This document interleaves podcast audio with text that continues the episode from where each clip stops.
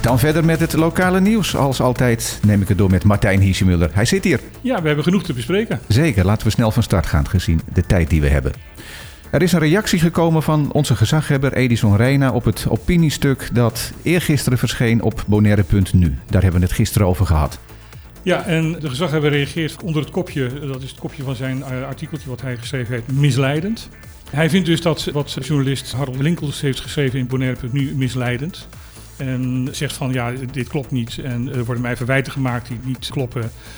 Ja, er wordt stemming gemaakt. En hij eindigt het artikel ook van dat hij vindt dat de pers zich niet aan zijn verantwoordelijkheid houdt, maar dat hij feiten moet checken voordat het geroepen wordt. Nou, laten we even een van die punten, misschien wel het belangrijkste punt eruit halen, namelijk over de stemprocedure. Uh, Harold schreef en ook anderen hebben gezegd: uh, de gezaghebber is niet verplicht om te stemmen. Zeker niet in een eerste stemronde. De gezaghebber zegt dat klopt niet. Ik ben wel verplicht om te stemmen. Ik mag zelfs geen blanco stem uitbrengen. Ik moet mijn stem uitbrengen. Daar heeft hij wel en niet gelijk in. In één geval heeft hij daar gelijk in, namelijk als de stemmingen zijn over benoemingen of aannames van personen. Die stemmingen gaan altijd schriftelijk. Noem eens een voorbeeld. Hè? Maar als bijvoorbeeld een uh, eilandsgriffier moet aangenomen worden. Oké, okay, dan moet hij meestemmen. Dan, dan is hij verplicht om mee te stemmen. Mee te stemmen. En die stemmingen gaan altijd schriftelijk en je mag hier inderdaad ook niet blanco stemmen. In dit geval gaat het om iets heel anders, namelijk ja. om een gebouw. Als je de wet erbij pakt en de reglementen, zie je dan inderdaad daarin staan dat die verplichting er is? Nee, de gezaghebber haalt de Wolbes aan. De, de Wolbes is de wet uh, openbaar lichaam Bonaire Sint-Eustatius sorry. Daar staat één klein artikeltje in, artikel 70. En daar wordt alleen gezegd dat de voorzitter van het bestuurscollege, dus de gezaghebber, dubbel mag stemmen op het moment dat de stemmen staken. Ja. Dat is het enige wat erover staat. En uh, voor de rest refereert de gezaghebber ook aan het reglement van orde. Dat is het uh, soort huishoudelijke reglement wat een bestuurscollege en een eilandsraad onderling mag afspreken, buiten de wet om. Ja. Hij zegt van ja, daar staat het ook in. Dat klopt ook niet, want artikel 16 lid 1, 2 en 3 gaan daarover. En die zeggen juist van dat hij dat dus niet hoeft te doen, dat hij alleen maar hoeft te stemmen verplicht bij het aannemen van mensen. En er is ook nog een memorie van toelichting. Dat is de gebruiksaanwijzing van de wet. Ja, die hoort dan weer bij de Wolbes. Die hoort weer bij de Wolbes.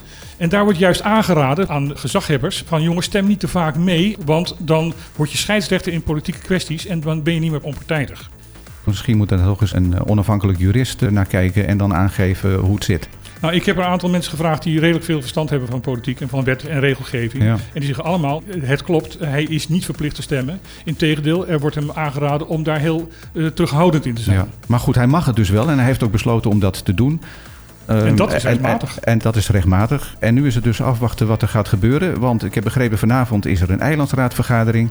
Maar het is nog maar de vraag of dit uh, uiteindelijk uh, opnieuw in stemming gaat komen. Want het kan best zijn dat het misschien even op de langere baan wordt geschoven. Dat zou best op de lange baan geschoven kunnen worden. Het staat niet op de normale agenda, maar dat is uh, heel gebruikelijk. De eilandsraadleden en de fracties mogen nieuwe agendapunten aanleveren aan het begin van de vergadering. Dan wordt er over gestemd of, of dat inderdaad op de agenda komt, ja of nee. Ik ga ervan uit dat de oppositie dit uh, gaat uh, aanhangig gaat maken. Ja, dat kan bijna niet anders. Dat kan bijna niet anders, anders ben je gewoon geen, als oppositie geen knip voor je neus waard. En dan wordt het heel erg de vraag wat het NPB dan gaat doen. Of zij meestemmen met de, de oppositie dat het op de agenda komt. Of het wordt afgestemd en dan is het van de agenda af. En dan wordt het afwachten hoe het dan verder gaat. Ja. Arjen de Wolf heeft al aangekondigd dat hij simultaan in het Engels Eilandsraadvergadering gaat vertalen. Oké, okay. nou dat is goed nieuws. We hebben het afgelopen weken over de bibliotheek gehad. Toen vroeg ik nog aan jou, uh, gaat die verhuizen? Inmiddels is er meer duidelijkheid ja, over we worden op onze winken bediend wat dat betreft. Er is groen licht voor een nieuwe volwaardige toekomstbestendige bibliotheek in Bonaire. En daar is een bedrag van 1,5 miljoen voor uitgetrokken. Nou, daar kun je wel een paar boekenkasten voor neerzetten. Dacht ik ook. Dus dat gaat gebeuren en dat moet dit jaar nog gaan gebeuren. En het moet eigenlijk binnen een jaar moet dat uh, operationeel gaan worden. Ja, heel goed nieuws. Ja, van de bibliotheek naar pindakaas. Want er is een pindakaasmerk in de handel, ook op Bonaire, waar salmonella in is aangetroffen. Ja, het is een vrij bekend merk, merk JIF, J-I-F. Dat was toch een schoonmaakmiddel, JIF? ja, maar het is een Amerikaans merk voor, uh, voor pindakaas. Okay. Ja. Maar in ieder geval, er zijn een aantal nummers, serienummers, die waarschijnlijk salmonella bevatten. Uh, in de Verenigde Staten zijn ze in ieder geval al uit de winkel gehaald. Ja. En uh, ook hier op Bonaire wordt gezegd van jongens, kijk ermee uit en uh, ga het niet gebruiken en geef het terug. Misschien moeten we dat even op mega nieuws plaatsen. Dan kunnen mensen dat controleren, die nummers. Want het heeft weinig zin om die Lijkt- nummers hier te gaan noemen. Lijkt mij een goed plan. Ja. Het Openbaar Lichaam Bonaire heeft eh, gewezen op het belang van een goede voorbereiding op het orkaanseizoen. Het orkaanseizoen begint weer 1 juni en zal duren tot 30 november. De wetenschappers denken dat het orkaanseizoen waarschijnlijk nog actiever gaat worden dan de vorige jaren. Ja, toen waren er wel een hoop, maar wij hebben er eigenlijk heel weinig last van Wij gehad hebben heel hier. weinig last van gehad. Wij horen officieel niet in de baan van de, de orkanen te zitten, van de stormen te zitten. Maar Klopt. er kan altijd eentje afwijken. Het kan een keer misgaan. En het kan een keer En, misgaan. en statistisch gaat het natuurlijk ook elke 100 of 150 Ja. jaar een keer echt helemaal mis. Dus eh, het Openbaar Lichaam raadt de bewoners van Bonaire aan om zich voor te bereiden en eh, alert te zijn. Op het moment dat het zover is, zal het crisisteam in actie komen en ook eh, schuilplaatsen en zo aanwijzen. Maar een goede voorbereiding kan het verschil tussen leven en dood zijn.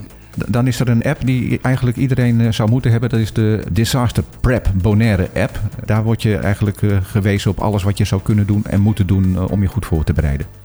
Dat is ook weer heel nuttige informatie. Ja. Nou, dan eh, is het een klein stapje naar het weer. Het eh, regende vanochtend eh, stevig. Nou, een flinke bui Flinke bui. boven Bonaire. Ja, dat soort plaatselijke buien zullen de komende dagen nog wel vaker gaan ehm, plaatsvinden. Want er zit ergens in de invloed van een tropical wave. Dus de weersomstandigheden zijn wat Dat omstuimelig. is toch dat een betreft. voorlopertje van het orkaanseizoen. Ja, exact. En de windkracht is ja, eigenlijk hetzelfde als gisteren. Maximaal 5 normaal en eh uitschieters naar 6 à 7. En eh, dat gaat de komende tijd eh, gewoon door. Dus hou ook rekening met wat hogere golven eh, op zee. Dat gaan we doen. Dankjewel Martijn, tot morgen. Tot morgen.